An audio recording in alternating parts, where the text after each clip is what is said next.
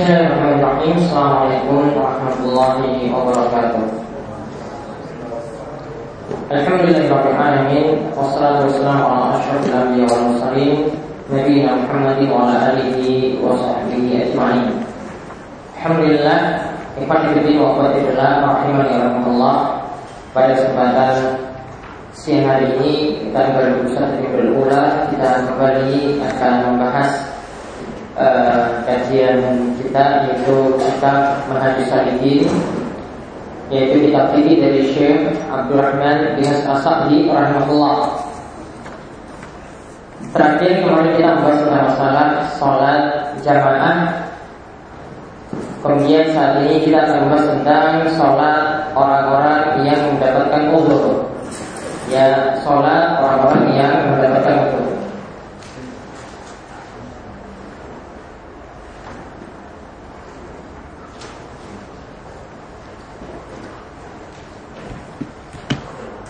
Ya, jadi kita lihat pada poin 152. Yaitu orang-orang yang mendapatkan uzur untuk melaksanakan sholat, yaitu yang mendapatkan keringanan kala itu, yaitu yang pertama adalah orang sakit. Yaitu Syekh Ibrahim bin Nasir Sa'di itu menyebutkan yang mendapatkan uzur itu adalah al-mu'id yufa'anhu udur jamaah. Yaitu orang sakit dia diberi uzur atau dia dimaafkan mendapatkan keringanan dalam menghadiri jamaah. Artinya dia boleh tidak menghadiri sholat berjamaah di masjid.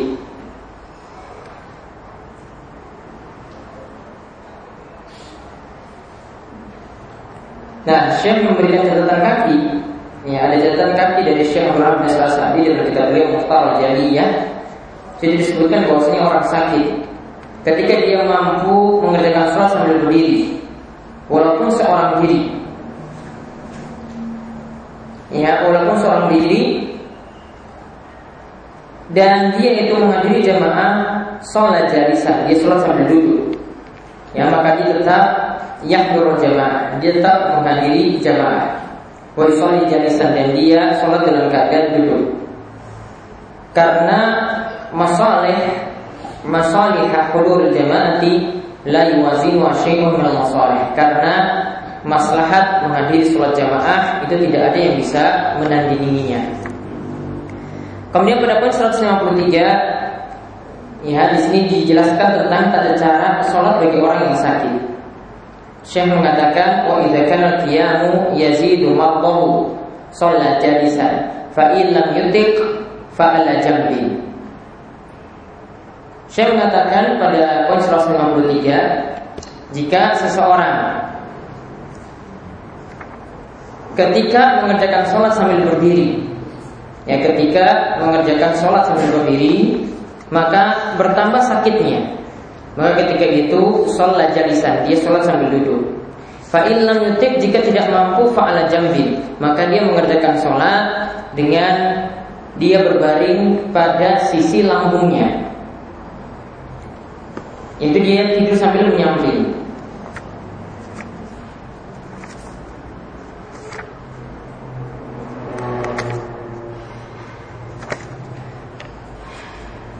Hal ini berdasarkan sabda Nabi SAW yaitu dari hadis Imran bin Husain yaitu hadis riwayat Bukhari di mana Nabi SAW itu bersabda Salli qa'iman fa illam tastati' fa qa'idan fa tastati' fa jambi Sholatlah kalian dalam keadaan berdiri. Jika tidak mampu, sholatlah sambil duduk. Dan jika tidak mampu lagi, fa'ala jambin Maka sholatlah dalam keadaan berbaring pada sisi lampu. Jadi tidurnya mengarah ke kanan atau ke kiri. Ya, ketika itu tidurnya menyamping Jadi lihat di sini urutannya ya. Yang pertama sholat iman, sholatlah sambil berdiri. Berarti berdiri ini termasuk rukun dalam sholat. Ketika tidak mampu berdiri, maka seorang mengerjakannya sambil duduk. Jika tidak mampu sambil duduk, maka sholatnya adalah sambil berbaring pada sisi lambung tadi. Nah, maka di sini menunjukkan sekali lagi yang namanya sholat sambil berdiri ini adalah bagian dari rukun Ya, ini berlaku pada sholat wajib. Adapun pada sholat sunnah, ketika seseorang itu meskipun mampu untuk berdiri, dia boleh mengerjakan sholatnya sambil duduk. Ya meskipun untuk sholat sunnah dia itu mau berdiri, tapi dia dibolehkan untuk mengerjakannya sambil duduk. Ini perlakuan yang berbeda di antara antara sholat yang sunnah dan sholat yang wajib. Kemudian Selanjutnya lagi untuk sholat orang yang sakit Beliau lagi lanjutkan pada poin 154 Wa syakka alaihi fi kulli sholatin fi waqtiha falahul jam'u baina dhuhri wal asri wa baina isya'ain fi waqti ihdahuma. Fi waqti ihdahima. Jika berat melaksanakan sholat di masing-masing waktu maka sholat tersebut boleh dijamak. Yaitu jamaknya adalah antara sholat zuhur dan asar dan dua sholat yang disebut dengan sholat isya. Yaitu sholat isya di awal waktu adalah sholat maghrib dan sholat isya di yang kedua itu adalah sholat isya itu sendiri yang biasa kita sebut. Dan ini dikerjakan di salah satu waktunya. Dan ini dikerjakan di salah, salah satu waktunya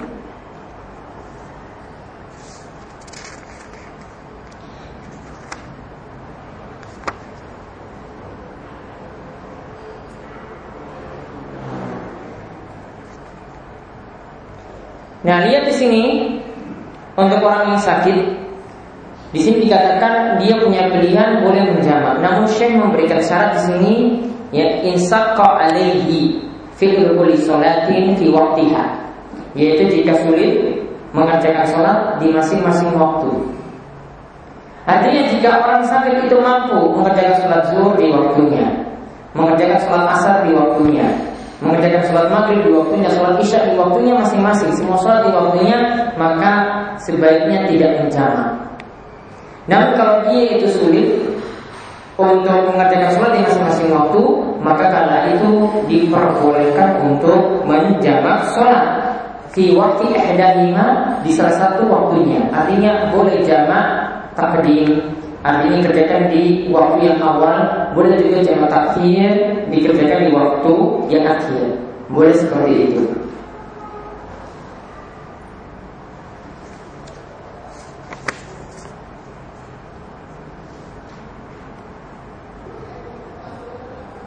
Dan sewa Islam itu mengatakan mana yang lebih afdal? Apakah jamak takdim Ataukah jamak takhir Maka Syekh Islam itu menyebutkan ayyam ala al al arfaq bihi. Fa idza kana al arfaq bihi taqdim qaddiman asra. Wa salat al-dhuhri fi waqti dhuhri. Misalnya ya di sini beliau katakan kalau ya ingin menjamak maka yang paling bagus mana itu jamak takdim atau jamak takhir maka beliau katakan lihat mana yang paling mudah bagi seseorang. Kita tidak bisa mengatakan jamak takdim lebih bagus kita tidak bisa mengatakan jamak takhir lebih bagus, namun pilih yang paling arfa.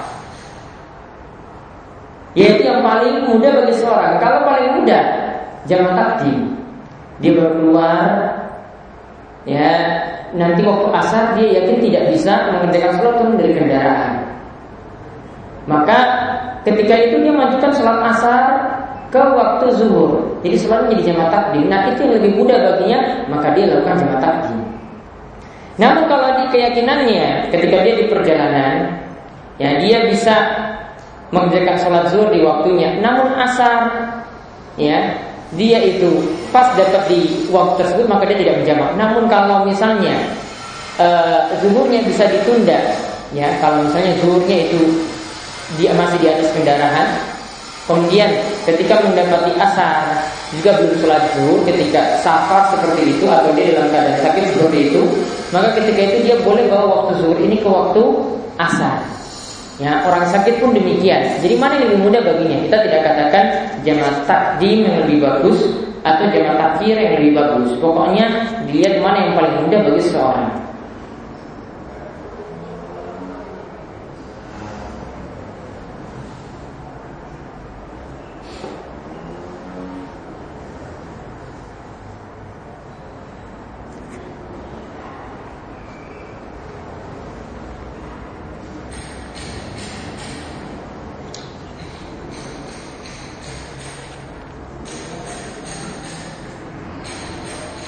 Nah, itu tentang sholat bagi orang sakit.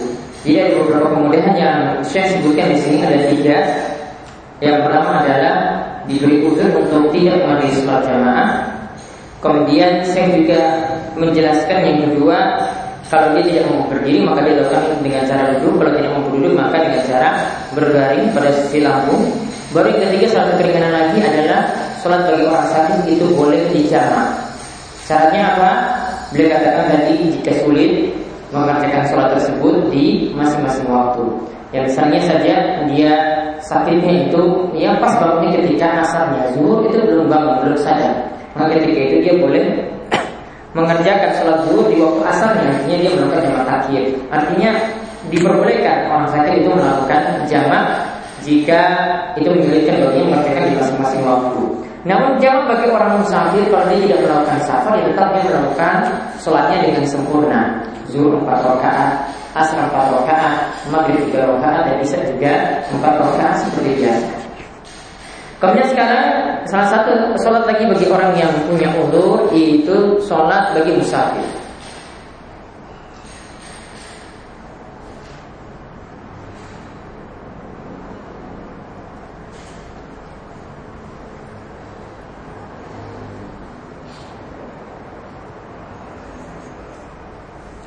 Nah, sholat bagi musafir kata Syekh disebutkan dalam poin 155 Wa kadzal musafir yajuzu lahul jam'u. Seorang musafir ya dia diperbolehkan menjamak sholat. Siapa yang disebut musafir? Kalau menurut pengertian yang lebih tepat tentang masalah musafir intinya musafir tidak ditetapkan definisinya dari dalil. Kapan seseorang disebut bersafar, jarak berapa, berapa waktu lamanya itu tidak disebutkan batasannya dalam dalil. Sehingga menurut pendapat dari Syekhul Islam Ibnu Taimiyah, begitu juga kemudian Ibnu Qayyim ya dan ulama-ulama yang sependapat dengan mereka berdua berpendapat bahwasanya seseorang disebut bersafar ketika sudah dianggap bersafar secara urf.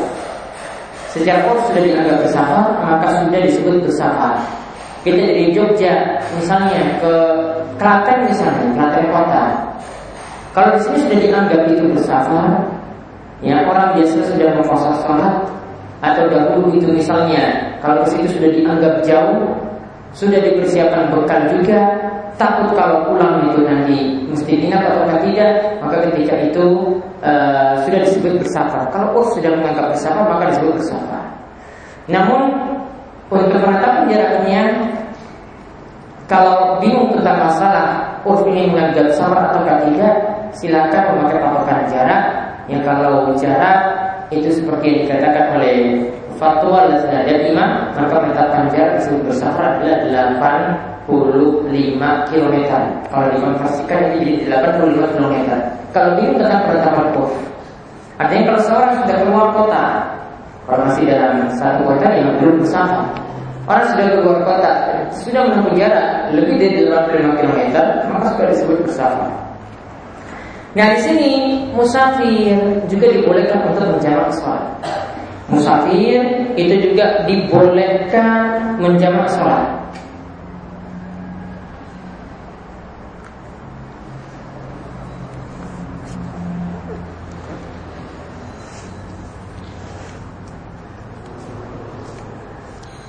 Nah, di sini dibahas juga oleh para ulama mana yang lebih bagus jamaknya di sini apakah jamak takdim atau jamak takhir? Sama seperti kita bahas dengan orang sakit tadi. Kalau orang sakit yang lebih mudah baginya adalah jamak takdim maka baginya itu jamak takdim lebih bagus. Kalau baginya itu lebih mudah itu adalah jamak takhir maka jamak takhir itu lebih bagus bagi dirinya. Maka dilihat mana yang lebih mudah ketika itu baginya dia mesti mengerjakan sholat di awal waktu ataukah di akhir waktu namun kaidahnya tetap sama dengan tadi orang yang sakit, orang yang bersafar. Dia boleh mengambil keringanan untuk menjamak ketika dia sulit mengerjakan sholat di masing-masing waktu.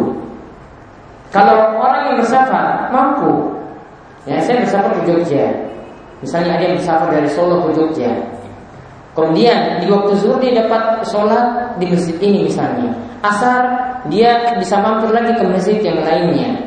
Tidak ada kesusahan saat itu untuk mampir-mampir sholat di masing-masing waktu. Maka lebih bagus mengerjakan sholat di masing-masing waktu tersebut.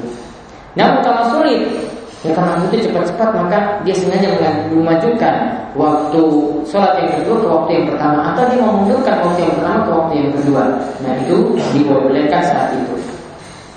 Kemudian tentang sholat bagi seorang musafir juga di sini dikatakan oleh Syekh wa yusannu lahul qasru lis shalah rubaiyah ila ini disunahkan. Kata Syekh Sa'di untuk mengkosor salat yang jumlahnya rubaiyah empat rakaat ila ini dijadikan dua rakaat Nah ini menurut Syekh Asadi. Jadi mengkosor sholat saat safar itu dihukumi oleh Syekh hukumnya adalah sunnah, bukan wajib. Namun sebagian dari yang digunakan pada pada masalah ini tidak ada tepat. Seperti disebutkan oleh Ibnu Qayyim dalam Zadul Ma'ad ada hadis yang digunakan dari Aisyah. Hadisnya menunjukkan bahwasanya ya Aisyah itu sendiri atau dia menyebutkan Nabi SAW itu mengerjakan sholat secara sempurna empat rakaat. Aisyah itu mengerjakan sholat secara sempurna itu empat rakaat. Tentang riwayat tersebut diperselisihkan ini dilakukan ketika safar diperselisihkan. Intinya Ibnu Qayyim tidak setuju dengan pendapat tersebut. Bila katakan bahwa pendapat tersebut pendapat yang lemah, dimau di yang lemah. Intinya yang lebih tepat dalam masalah Kosor sholat ketika safar itu hukumnya wajib Karena di antara alasannya Nabi SAW tidak pernah meninggalkan kosor ketika bersafar Nah, begitu juga ditanya kepada seorang sahabat tentang sholatnya Abu Bakar juga sholatnya Umar juga mereka senantiasa mengkosor sholat ketika mereka itu bersafar. Kecuali saat orang yang bersafar itu berada di belakang imam mukim. Imam mukimnya sholat zuhur empat rakaat dia jadi makmum di belakangnya, maka dia tetap kerjakan rakaat secara sempurna. Imam kerjakan empat rakaat, maka dia ikut juga empat rakaat. Yang kalau yang musafir yang jadi imam, maka dia tetap kerjakan dua rakaat karena ketika itu dia diperintahkan untuk mengerjakan sholat secara kosong. Sholat empat rakaat rubaiyah dijadikan dua rakaat.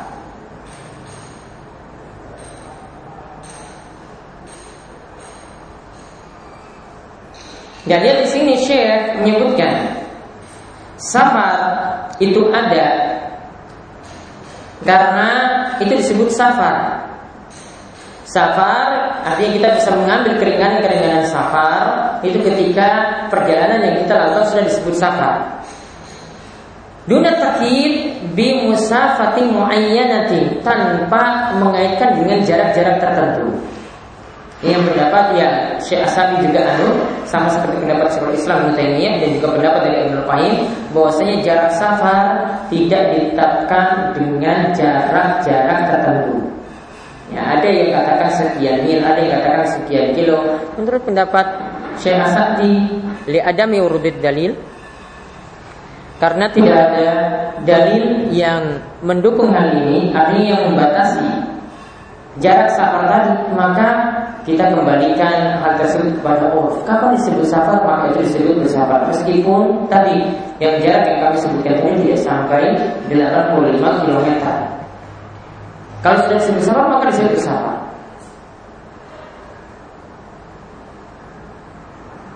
Sebagaimana kata Syekh, jika ada seorang musafir, jika dia diam di suatu tempat dan dia tidak meniatkan untuk memutus safarnya. Artinya dia masih terus dalam keadaan bersafar saat itu. Maka kata Syekh fa'innahu musafirun Orang tersebut disebut musafir. Ya. Wa innama iqamah aktar min arba'ata ayyam. Walaupun dia berniat ya bermukim di situ lebih daripada empat hari jadi dalam masalah waktu juga tidak dibatasi kapan disebut bersafar. Kemudian dalam masalah jarak juga saya katakan di sini juga tidak dibatasi dengan jarak-jarak tertentu karena dia ada turun dalil. Karena tidak ada dalil yang tegas yang menyebutkan batasan jarak atau waktu seperti itu. Nah, waktu juga demikian. Ketika seseorang sudah menempuh perjalanan misalnya dalam waktu tertentu selama dia itu masih dalam keadaan bersafar, safarnya satu minggu lebih daripada tiga hari, maka dia masih disebut bersafar. Ketika lebih daripada tiga hari dia dalam keadaan tidak memutus safarnya, tidak memutus safarnya untuk menetap di situ, maka tetap masih disebut bersafar. Namun sih para ulama katakan berbeda. Jika orang sudah niat, ya ini disebutkan oleh Syekh Abu Malik Ya, beliau katakan kalau seorang sudah menetap di suatu daerah, misalnya anak-anak yang kuliah menuntut ilmu, kemudian menetap di situ, maka ketika dia menetap itu sudah disebut iqamah. Maka dia sudah berarti sudah qat'us safar. Dia sudah memutus safarnya sehingga tidak disebut lagi musafir saat itu. Jadi anak kos-kosan itu tidak disebut lagi musafir. Ya tidak disebut lagi musafir, bukan berarti dia nanti Ya selama dia di saat itu sholatnya di kosong terus tidak. Ketika dia sudah menetap, sudah mengambil rumah kos-kosan maka dia sudah disebut musafir kala itu. Emang dia tidak disebut lagi musafir itu, dia disebut orang yang mati. Kemudian keringanan yang lainnya lagi, walaupun fitur di Ramadan, seorang musafir boleh, yang hukumnya boleh, yaitu tidak berpuasa saat bulan Ramadan.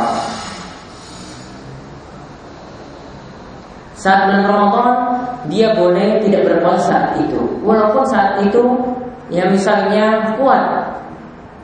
Orang yang bersafar tetap masih boleh mengambil keringanan saat safar itu tidak berpuasa.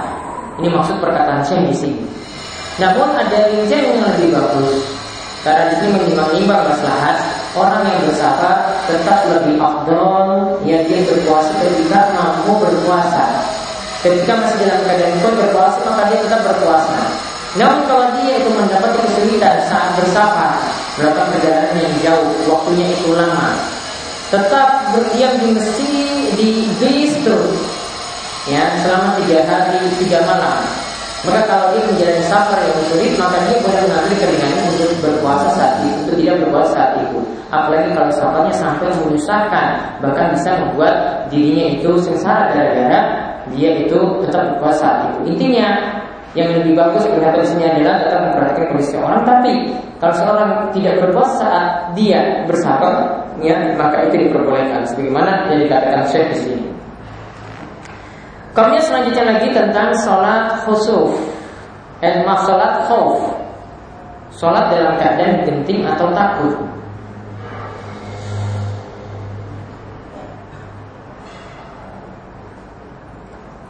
Tadi pembahasan terakhir tadi tentang bolehnya tidak berpuasa ya saat bersafar nanti insya Allah akan dikaji pada pembahasan ya kitab usia ya kitab puasa insya Allah akan nanti akan dibahas.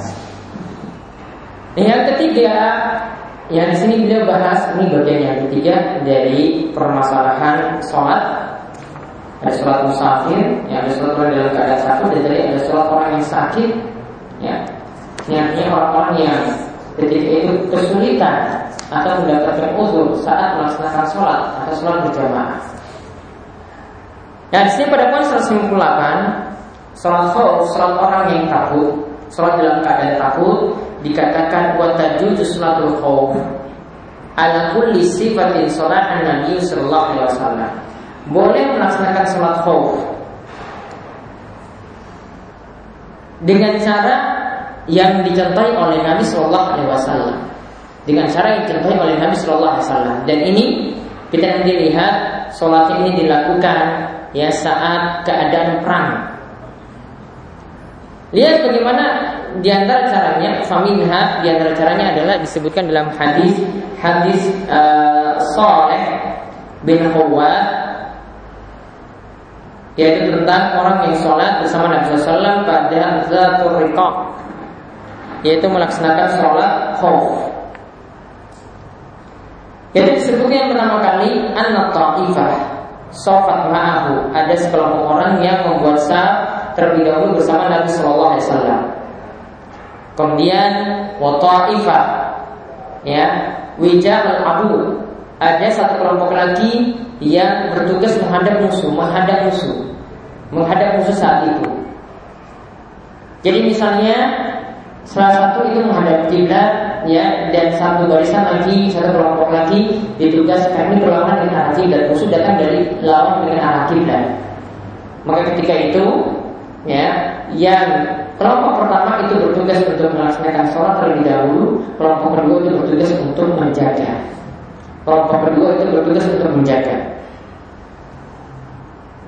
Kemudian fasal bil lazina ma'ahu Kemudian kelompok pertama tadi yang sudah membuat saf bersama Nabi SAW itu melaksanakan satu rakaat. Lalu summa sabata qa'iman wa atammu li Kemudian saf yang pertama ini, kelompok yang pertama ini ya atammu ya dia berdiri.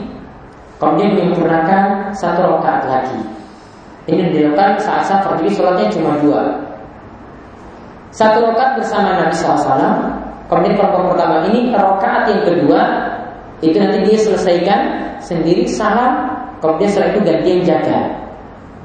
Yang berada tadi bertugas jaga maju ke depan untuk membuat saf baru, melaksanakan sholat lagi bersama Nabi SAW. Nabi SAW sudah melaksanakan berapa rakaat? Satu. Tapi ketika sudah satu rakaat dia diam dulu. Tunggu yang sholat pertama selesaikan satu rakaat, selesai Kan berarti sudah dua rokat kan satu rokat bersama Nabi. Satu rokat dia kerjakan sendiri. Sudah selesai dia mundur lagi yang jaga dia jaga yang tadi jaga kembali membuat saf. Berarti kelompok kedua ini kan kurang satu rokat bersama Nabi Sallallahu Dia kerja ketinggalan satu rokat. Kemudian tambah satu rokat lagi dan nanti akhirnya salam dengan Nabi. Maka sini saya katakan semanfaat wasafu ya al Ya, kemudian kelompok pertama tadi itu berbalik. Kemudian dia membuat saf untuk menghadap musuh, untuk menghadap musuh. Wajah atau fatul ukhra. Fasolat murad allati baqiyah. Kemudian ya kelompok yang lain itu sholat bersama mereka yaitu mengerjakan sholat yang sisa.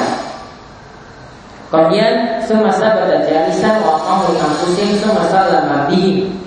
Ya, kemudian ketika itu dia kan masih dapat satu rakaat, dia sempurnakan jadi dua rakaat juga.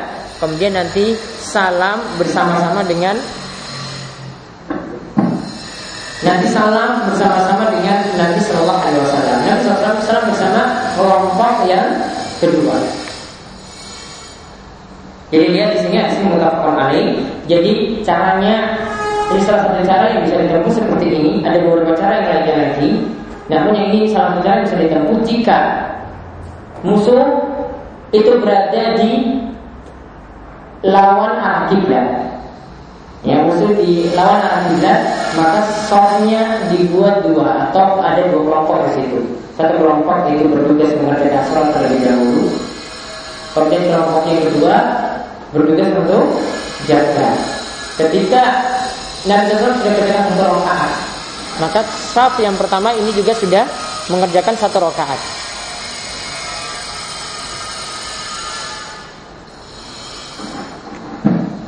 Maka saf yang pertama juga sudah mengerjakan satu rakaat. Dia tinggal mengerjakan satu rakaat lagi, dia kerjakan sendiri satu rakaat sendiri, dan Nabi SAW untuk menunggu saf yang kedua mengerjakan sholat. Nah, saf yang kedua itu mengerjakan sholat, ya Tatkala itu dia sempurnakan dulu satu rakaat, lalu satu rakaat yang terakhir dikerjakan bersama Nabi sehingga kelompok kedua ini akhirnya salamnya itu dengan Nabi. Kelompok pertama tadi apa yang sama dengan Nabi takbiratul ihram. Tapi kalau kelompok kedua salamnya dengan Nabi Sallallahu Wasallam. Artinya semuanya tetap bisa mengerjakan sholat meskipun dalam keadaan menghadapi musuh seperti ini.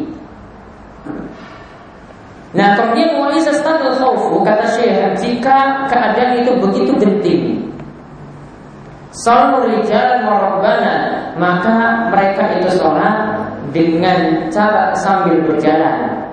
Warubana dan cara sambil berkendaraan. Ila kiblat dengan menghadap kiblat wa ila Begitu pula boleh menghadap yang lainnya karena ingat sholat khauf itu menghadap kiblatnya jadi gugur. Karena kondisi genting sekali. Sulit ketika itu kita paksa menghadap kiblat. Misalnya waktu sholat sudah mepet dan belum mengerjakan sholat asar misalnya. Tatkala itu dalam kondisi genting, misalnya ya, ini misalnya dalam kondisi tsunami, asal belum dikerjakan, maka tetap ketika itu kondisi genting seperti ini tetap melaksanakan sholat. Asal tinggal sebentar lagi waktunya. Maka dia tetap melaksanakan sholat meskipun sambil berjalan, sambil berjalan. Atau melaksanakan sholat rukbanan sambil berkendaraan ketika perang juga seperti itu. Kalau tidak bisa seperti tadi, maka sambil berjalan ataupun sambil berkendaraan itu mengerjakan sholat.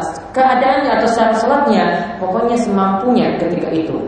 Ya, dia baca surat, kemudian rukuk tundukkan kepalanya, atau cuma tundukan sedikit sujud juga dilakukan apa adanya pokoknya berisyarat seperti itu bahwa ini untuk membedakan antara rukuk dan sujud pokoknya dilakukan sholat juga ketika itu nah di sini kata Syekh yumi'una bi ruku'i was sujud. Tatkala melakukan rukuk dan sujud mereka melakukannya dengan memberikan isyarat.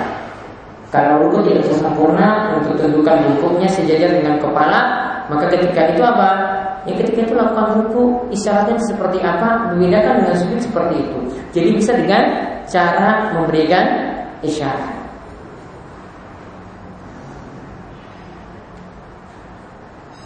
Begitu juga saya katakan pada poin 161 Wa kadzalika kullu khaifin ala nafsi. Itu juga orang yang takut pada dirinya. Yusolli ala hasabi halihi. Dia sholat sesuai dengan keadaan dirinya. Wa yaf'al kulla ma yahtaju ilaihi. Ya wa yaf'al kulla ma yahtaju ilaihi fi'lahu min harbin ghairihi. Dan dia ya mengerjakan setiap yang dia butuhkan dia tetap mengerjakannya min harbin ini ketika dalam keadaan takut ataupun keadaan-keadaan yang lainnya Kenapa soal keadaan takut pun tetap diperintahkan? Karena Nabi Sallam itu bersabda, "Iza amartakum amartukum di amrin faktuminhu mastata'tum." Jika aku memerintahkan kepada kalian suatu perkara, perkara maka sempurnakanlah atau lakukanlah semampu kalian. Artinya tetap dilakukan perkara itu. Nah ini ada tiga orang yang disebut dengan sholatnya adalah sholat orang-orang yang dalam keadaan sulit atau orang yang mendapatkan uzur itu ada orang sakit kemudian ada seorang musafir dan orang yang dalam keadaan takut ya dalam suasana genting. Ini orang-orang yang sholatnya yang sholat jamaahnya diperingat. Kemudian sholatnya itu bisa jadi juga sesuai dengan keadaan dia kata itu ya semampunya untuk bagaimana sujudnya bagaimana disesuaikan dengan keadaan dirinya. Kemudian kita bahas ya Selanjutnya tentang masalah sholat Jumat.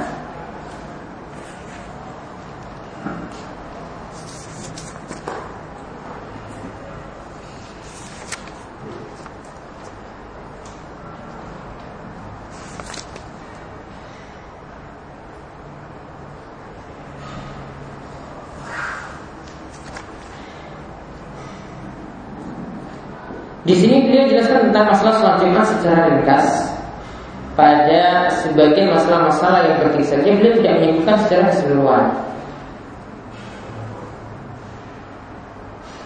Di sini beliau sebutkan terlebih dahulu tentang orang-orang yang diwajibkan untuk melaksanakan sholat Jumat.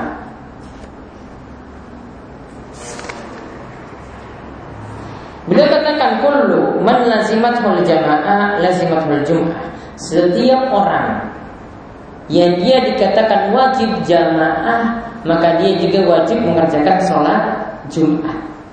Orang yang wajib jamaah yang diwajibkan sholat berjamaah maka dia juga wajib mengerjakan sholat Jumat. Berarti laki-laki inilah yang diwajibkan sholat Jumat. Perempuan tidak wajib. Orang yang sakit juga tidak wajib. Seorang musafir juga tidak wajib. Budak wanita juga budak ya seorang budak juga tidak wajib karena dia masih dalam tanggung jawab tuannya. Nah, jadi dia beliau berikan syarat lagi idza kana mustautina mustautinan bibinain. Ini juga berlaku kewajiban ini bagi orang yang menetap ya bibina ya dia memiliki bangunan untuk menetap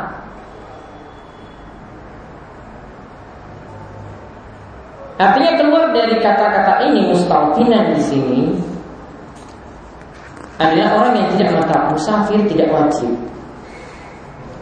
Yang musafir di sini tidak wajib. Atau orang yang berada di padang sahara, ya, di padang pasir, tatkala itu dia juga tidak punya bina bangunan tetap, bangunan permanen.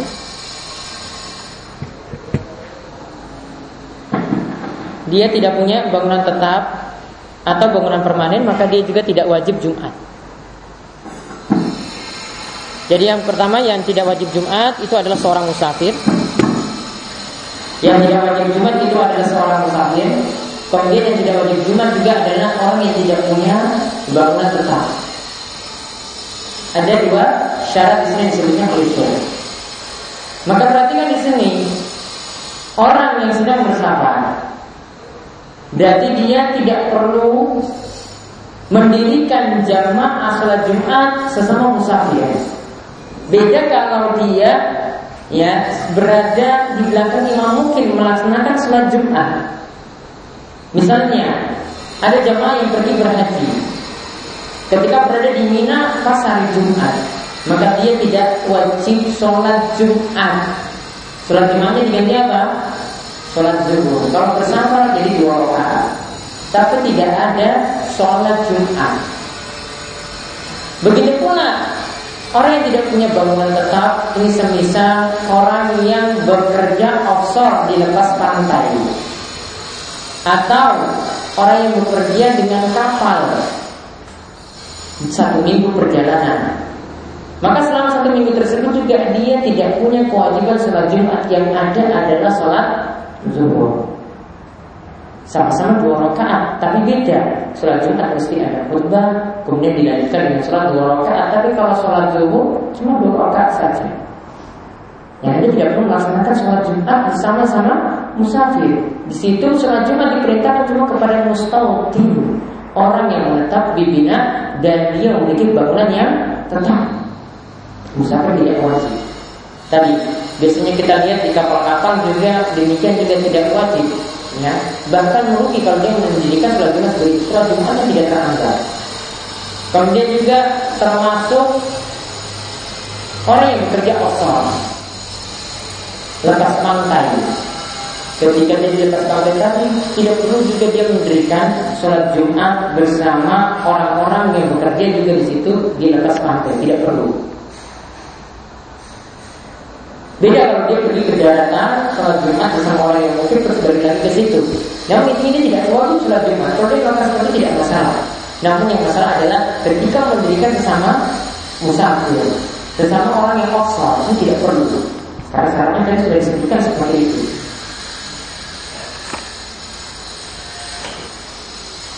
Kemudian di antara syarat sholat Jumat dikatakan oleh yang pertama fi'luha fi waqtiha Salat Jumat itu dikerjakan di waktunya.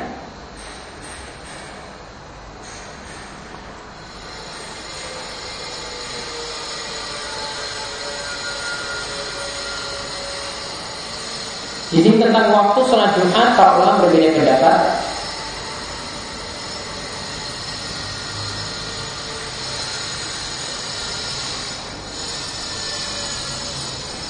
Jumhur ulama berpendapat waktu sholat Jumat itu sama dengan waktu zuhur.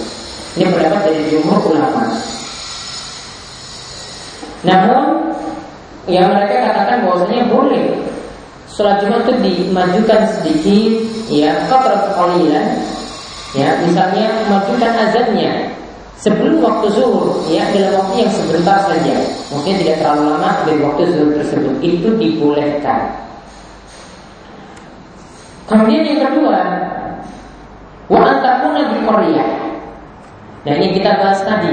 Sholat Jumat syaratnya yang tadi disinggung dilakukan di Korea, di suatu negeri, bukan di atas pantai, bukan di atas kapal. Nah ini syarat yang tadi yang saya sebutkan itu masuk di sini. Jadi dilakukan di suatu negeri. Ada orang yang tetap di situ, bukan dilakukan tadi di lepas pantai, atau mungkin dia pergi ke luar angkasa kemudian melakukan sholat Jumat di situ juga bukan ya di sini dilakukan di Korea syaratnya seperti itu Kemudian syarat yang ketiga wa ayataqaddamaha khutbatan. Khutbah salat Jumat itu dimulai dengan dua khutbah. Syaratnya seperti itu. Kalau salat subuh tidak. Ya maka orang yang tadi melaksanakan sholat zuhur itu berbeda dengan sholat Jumat. Sholat Jumat disyaratkan harus dijawab dengan khutbah terlebih dahulu.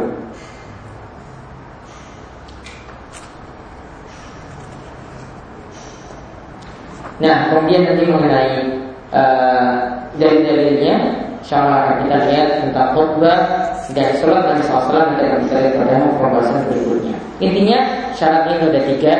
Yang syarat mengerjakan sholat Jumat itu ada tiga. Yang pertama kerjakan di waktunya. Mayoritas ulama berpendapat waktunya adalah di waktu zuhur. Boleh dimajukan ya waktunya sedikit saja untuk ada. Kemudian yang kedua dilakukan di Korea. Artinya apa?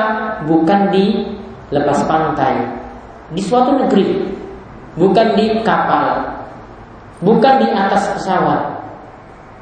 Ya, dilakukan di suatu negeri satu tempat. Kemudian yang ketiga didahului dengan dua khutbah. Yang ketiga yang kita bahas mudah-mudahan bermanfaat. Insya Allah masih ada separuh lagi dari bulan sholat Jumat dan nanti akan dilanjutkan juga dengan semakin yang akan kita kaji dalam pertama berikutnya. Mungkin di antara teman sekalian ada yang ingin bertanya, mau kami silakan. Ya.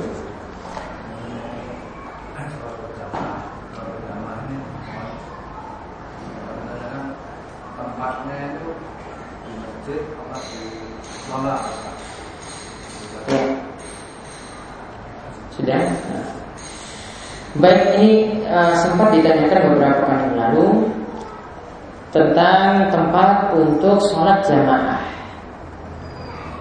Kalau kita melihat uh, ada hadis yang disebutkan oleh Syekh dan ini jadi pendapat dari Ibnu Qudamah dia ketika membawakan tentang masalah sholat jamaah Syekh menyebutkan hadis Iza sholaitum fi rihalikuma summa atituma masjid jamaah fasolliya ma'ahum fa innaha likulli nafilah itu ada dua orang yang tatkala itu datang ke masjid Nabi SAW dan Nabi SAW sudah melaksanakan sholat jamaah. Dan mereka ini sudah melaksanakan sholat. Ya, di sini ada kemungkinan dua orang ini lakukan sholat secara berjamaah di rumah.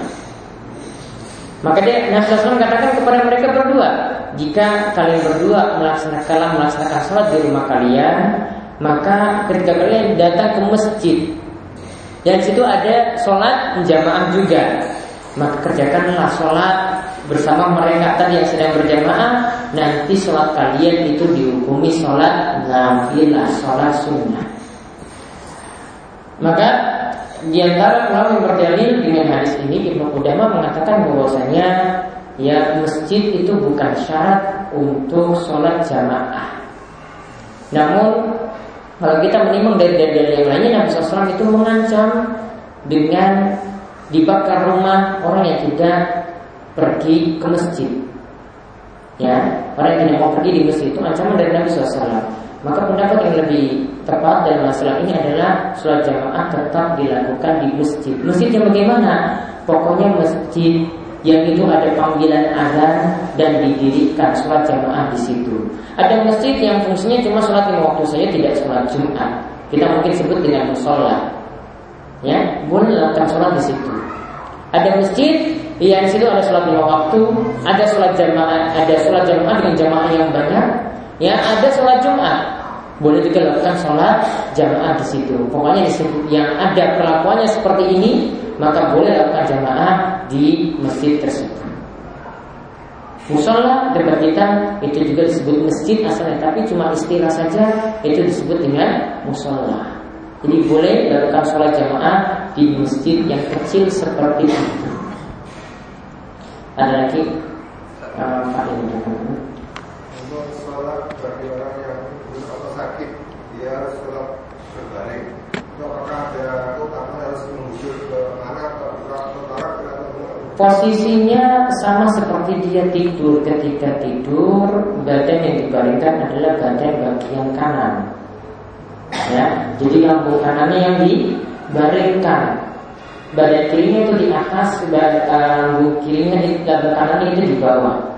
Nah, ketika itu dia berpaling ke arah kiblat, artinya kepalanya di utara nih, ya di utara, kakinya ke selatan. Nah, posisinya seperti itu.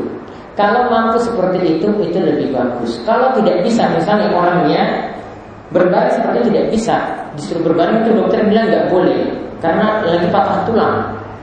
Namun dia masih bisa menghadap kiblat dengan cara kakinya itu ke arah kiblat, badannya itu diangkat sedikit karena ada tempat tidur yang bisa diangkat atau bantal itu bisa ditinggikan. Kalau diizinkan dia itu ngangkat badannya seperti itu, ya, maka dia kan berarti melihat kiblat, ya kan? Berarti menghadap kiblat. Cara sholatnya seperti itu pun boleh. Kalau tidak seperti cara yang pertama. Intinya diusahakan menghadap kiblat. Kalau tidak bisa, fattakullah mastata'tum. Tempat tidurnya tidak bisa bergerak-gerak. Ya, tidak mungkin juga dia dipaksa muter-muter. Maka dia sholat. Ya dalam keadaan tidak menghadap kiblat kata itu jadi gugur. Yang penting dia melakukan sholat pada waktunya. Seandainya dia masuk dia menuju ke selatan maka kalau dia mau ke kanan kan membelakangi kiblat. Kan baik masuk ke kiri atau menghadap akan menghadap kita maka makanya balik ke kiri karena dia menuju ke selatan karena belum masukkan ke kalau seperti itu dia tidak bisa mutar ya, posisinya cuma di seperti itu dan lakukan seperti itu tidak masalah. Ada lagi? Ya. Tadi uh, maaf, tadi disebutkan tentang apa? Sahnya itu sholat itu berdiri sholat wajib. Iya. Sholat wajib termasuk rukun itu adalah berdiri. Berdiri. Ya. Kemudian tadi itu disebutkan sholat sunnah itu boleh dilakukan dalam keadaan duduk meskipun mampu berdiri. Namun dalam keadaan berdiri tetap lebih afdal saat itu daripada keadaan dia duduk. Sholat sunnah itu bebas. Kenapa bebas? Karena sholat sunnah kita itu ingin mendapatkan uh, uh, diberikan fadilah-fadilah supaya punya banyak amalan. Ya, maka cara apa pun Ya, kemarin uh, saya sering kali singgung sholat di atas kendaraan. Sholat sunnah itu masih boleh di atas kendaraan. Ya, begitu juga tadi masih boleh dilakukan seperti itu. Kenapa di sini diperbanyak seperti itu? Cara-cara kok duduk dibolehkan sholat sunnah di atas kendaraan kok boleh supaya amalan sholat sunnah itu banyak dilakukan di setiap waktu. Ya, tidak memandang pada keadaannya turun dari kendaraan harus berdiri tidak. Pokoknya bebas dia melakukannya. Makanya sholat sunnah untuk pengerjaannya lebih bebas daripada sholat wajib. Meskipun tidak ada uzur, sholat sunnah kan seperti itu. Meskipun tidak ada uzur, namun keadaan dia berdiri dibanding dengan keadaan dia duduk. Saat dia mampu berdiri, tetap lebih afdal berdiri. Ya, tapi mungkin seorang capek misalnya, wah saya berdiri itu agak capek. Dia mampu berdiri sebenarnya, namun ketika dilakukan dalam keadaan duduk boleh. Namun kalau ini dilakukan untuk sholat wajib, sholat zuhur, sholat asar, sholatnya tidak sah.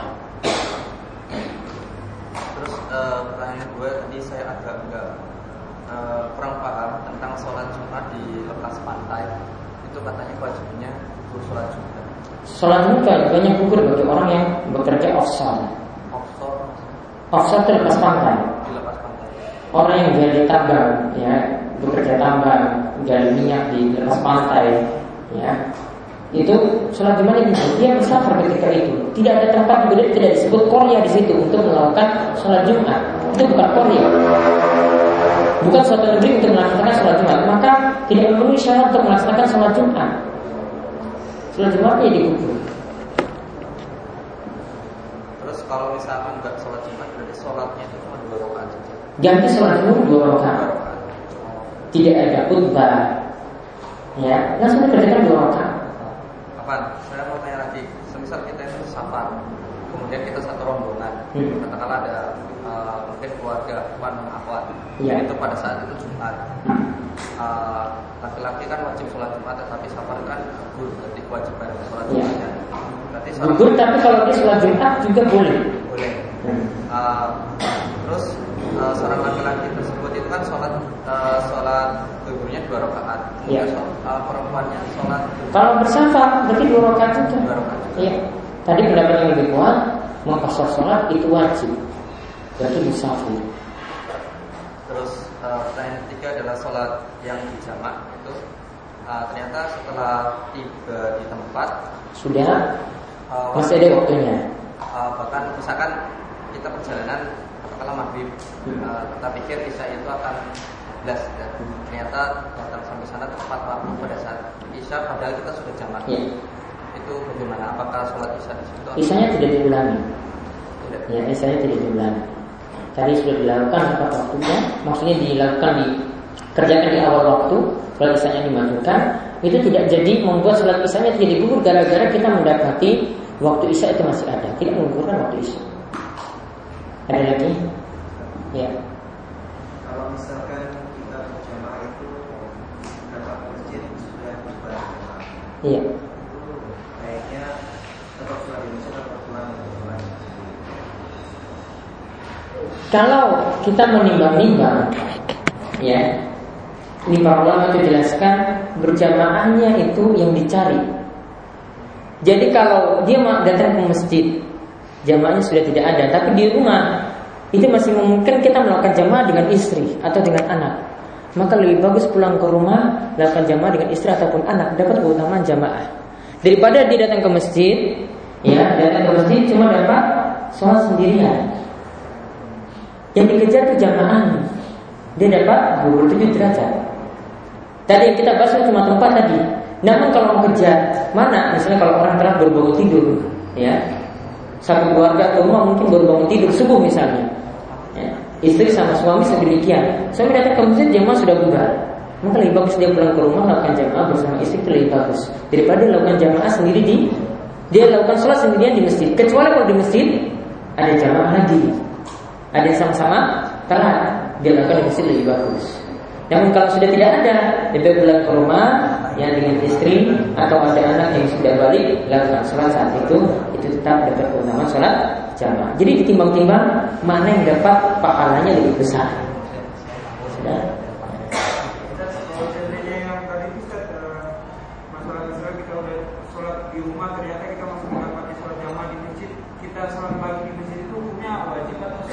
Sunnah.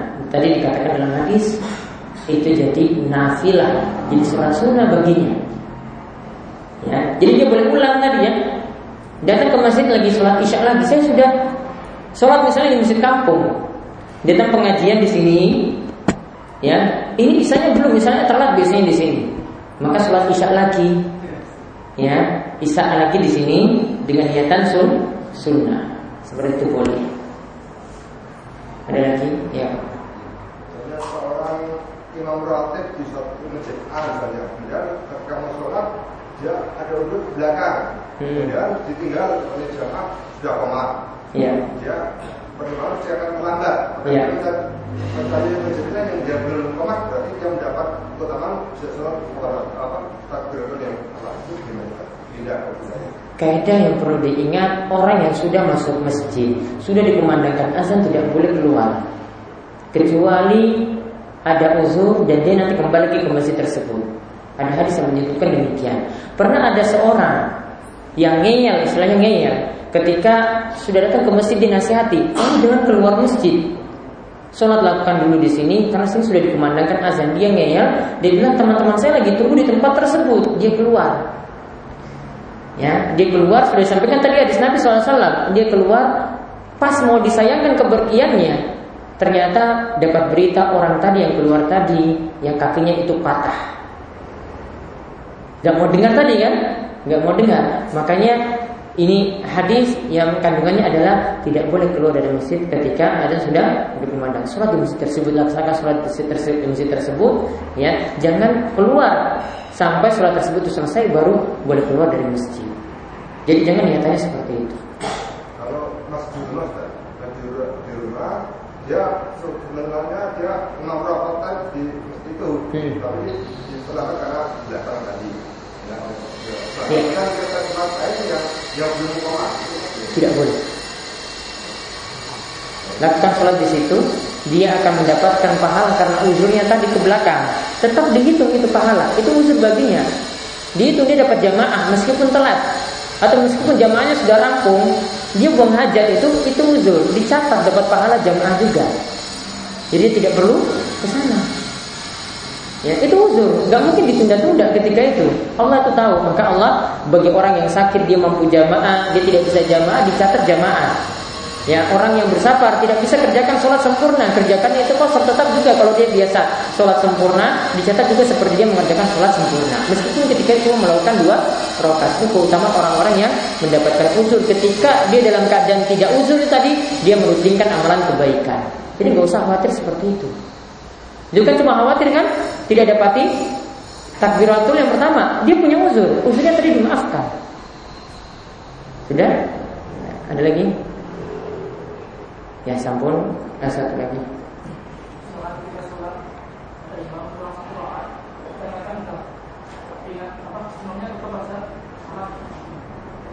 Uh, ketika sholat hmm. Ketika sudah selesai sholat ingatkan lagi Pak ini kurang satu rokaat Suruh dia sempurnakan satu rokaat tambah satu rokaat Kemudian setelah itu lakukan sujud satu Iya. Tambah satu rokat lagi. Atau kalau kurang dua rokat tambah dua rokat, baru nanti lakukan sujud sahwi. Sudah kita bahas tentang sujud sahwi di pembahasan sebelumnya. Ya demikian yang kita bahas Semoga bermanfaat. Ya subhanallah wa bihamdika. Syaitu atas ila ala astagfir Wa atubu ilaih Sallallahu alaihi wa sallam Wa alaihi wa sallam Wa